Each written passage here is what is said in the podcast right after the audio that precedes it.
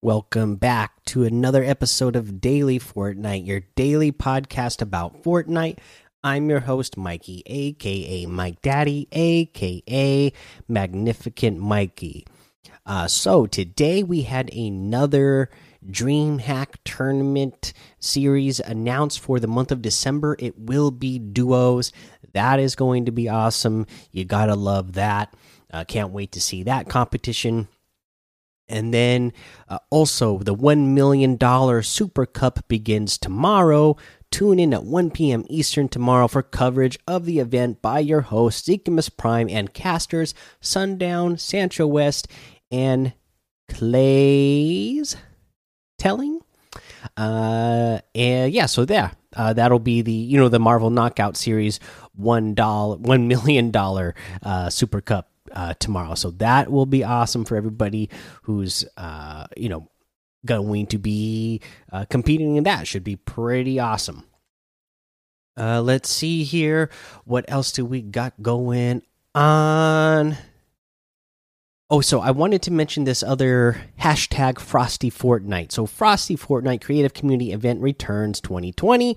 Creators, you can feel can you feel the chill in the air? Hashtag Frosty Fortnite is back. This holiday season, we're going to unleash a blizzard of your most frigid fabrications for Fortnite players to enjoy. Submit and share a winter themed welcome hub game or artistic piece, and you might find yourself featured in our winter wonderland of amazing creations. Submissions must be original work, so islands inspired by popular movies, video games, or other entertainment IPs won't be accepted. Here are some games from last year to help you get those creative juices flowing, and then they show a couple of uh, picture examples from stuff that was submitted in last year's hashtag Frosty Fortnite. Uh, but they say how to submit your Frosty's Fortnite creative game by December 15th. All in game content should be submitted to the official form for consideration by December 15th. Select the genre pick list option seasonal event for your island to be considered and don't forget to set up a camera in your island so players have a few have a preview before jumping in game. Remember you can share Frosty Fortnite Islands in the creative Discord and the creative subreddit as well as on Twitter using the hashtag hashtag Frosty Fortnite. Stay frosty. So again, cool to see the uh, creative community uh, getting uh, spotlighted again. So you'd love to see that. Let's go ahead and talk about those XP extravaganza challenges that I mentioned yesterday that I didn't uh, didn't know the list of yet. So uh, you're going to have deal damage with SMGs uh, as one of your steps. You're going to have eliminate Stark robots, gatherers, or gorgers. Uh, 10 in total for step one of that one. Uh, there's another one where you're going to start out searching chest, ammo boxes, and then I'm not sure what the third step will be yet. You have another challenge where you're just collecting um, material, and each step it increases how much that you need to, uh, how much material you need to, uh, you need to harvest in total and then you have dance on all five colored bridges in a single match again. Remember this is all party assist stuff. So this is really easy to do if you are in a squad. There's five bridges in total.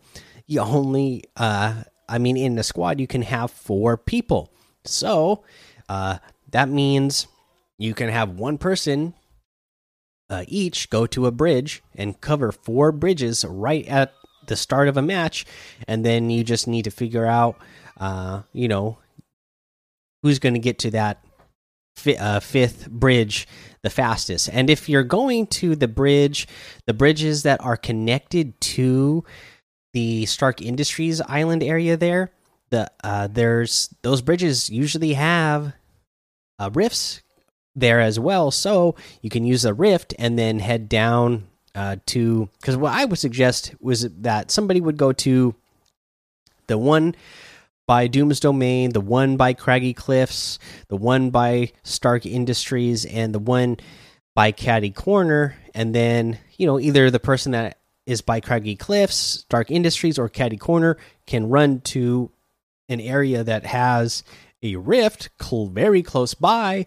and then head over to the bridge in Weeping Woods and dance there. So should be really easy to get this challenge done.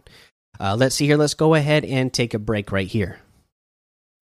All right, and now let's go over today's item shop, and it is a great one because we still have all those Marvel items still in here, but we got our new Marvel item, Venom. Yes, I absolutely love it. So you get, uh, there's only one option that I see here, and you just get Venom, right? And it's pretty much a bundle. So you get you get Venom outfit, you get the tendril tote back bling, you get the symbiote slasher harvesting tool, and the We Are Venom emote, emote the built-in emote, all for 2000 V bucks. So what a deal, right? Oh my gosh. I thought maybe we were going to have to get some of this stuff separately, but the fact that you get that all together, I mean just because regardless, I was going to get the the outfit anyways. Like no matter what, I knew I was getting this outfit. Uh and, and, so the fact that you get the back bling, the harvesting tool, and the emote, which is built in all together for 2000, is a great deal. Uh, also, if you haven't seen this yet, there's two styles. You have the default style where you're you're Venom, uh, but then you get extreme Venom as well for another style where uh, the symbiote is just going absolutely crazy and uh, kind of, uh, you know, go, making a bunch of tendrils all around. So looks pretty awesome. I, I really like that extreme style. I, I, just love it in general, but yeah, pretty awesome there. Uh, in the rest of the item shop, you have the dummy outfit with the wrong turn backbling for 1,200, the noggin harvesting tool for 500, the crash test wrap for 300, uh, we have the Dream outfit with the Shattered Wing backbling for 1,200, the Luminous outfit with the Lunar Light backbling for 1,500, the Astral Axe Harvesting Tool for 1,200, the Shard Break Wrap for 500, the Arcana Glider for 1,200. Uh, we have the uh, Daring Duelist outfit for 1,500. Oh, that also comes with the Slice and Dice backbling uh, we have the double cross outfit with the floral shell back bling for 1200, the bat sickle harvesting tool for 800, the hula emote for 800, the double up emote for 500, the deep dab emote for 200, and oh, yes, we still have the hang time bundle in here, and the buckets emote for 200, and the flex on them emote for 200. Yeah, now that's everything. So you can get any and all of these items using code Mike Daddy M M M I K E D A D D Y in the item shop, and some of the proceeds will go to help support the show. All right, guys, let's see here for the tip of the day. You know, we recently had the challenge where you need to have a teammate throw a gas can and you shoot it before it hits the ground, and it just made me realize, like, you know, the gas cans are are a pretty awesome thing to have in the game in the first place. Uh, and sometimes they're just randomly in buildings. And most of the time, the gas cans uh, are in the same spot uh, in every match. So if you see them, uh, just start taking mental notes of where they are because I have uh, just today been able to take advantage a couple of times of knowing where gas cans are in a building and testing it out and knowing when, okay, if I'm in a fight in this building, I can make a quick step out of this building. Uh, on my way out, shoot the gas can that's there, you, you know, usually in the garage or something. But you can shoot that gas can explode it. It's going to explode a couple of walls there, but it's also going to set that building on fire, and that is going to smoke your opponent out, right? They, they're going to be forced to come out of wherever they are in that building. And then uh, you can get yourself set up in a much better situation to fight your opponent because now you're in an open area where you can actually build. Uh, and have control over the builds in the area rather than a whole bunch of walls and stairs and whatever else that are part of a building that are going to get in your way that you don't control and can't edit and uh, might just have to break to you know get out of your way. Much easier to fight outside when you can uh, build and edit and have control of all of that.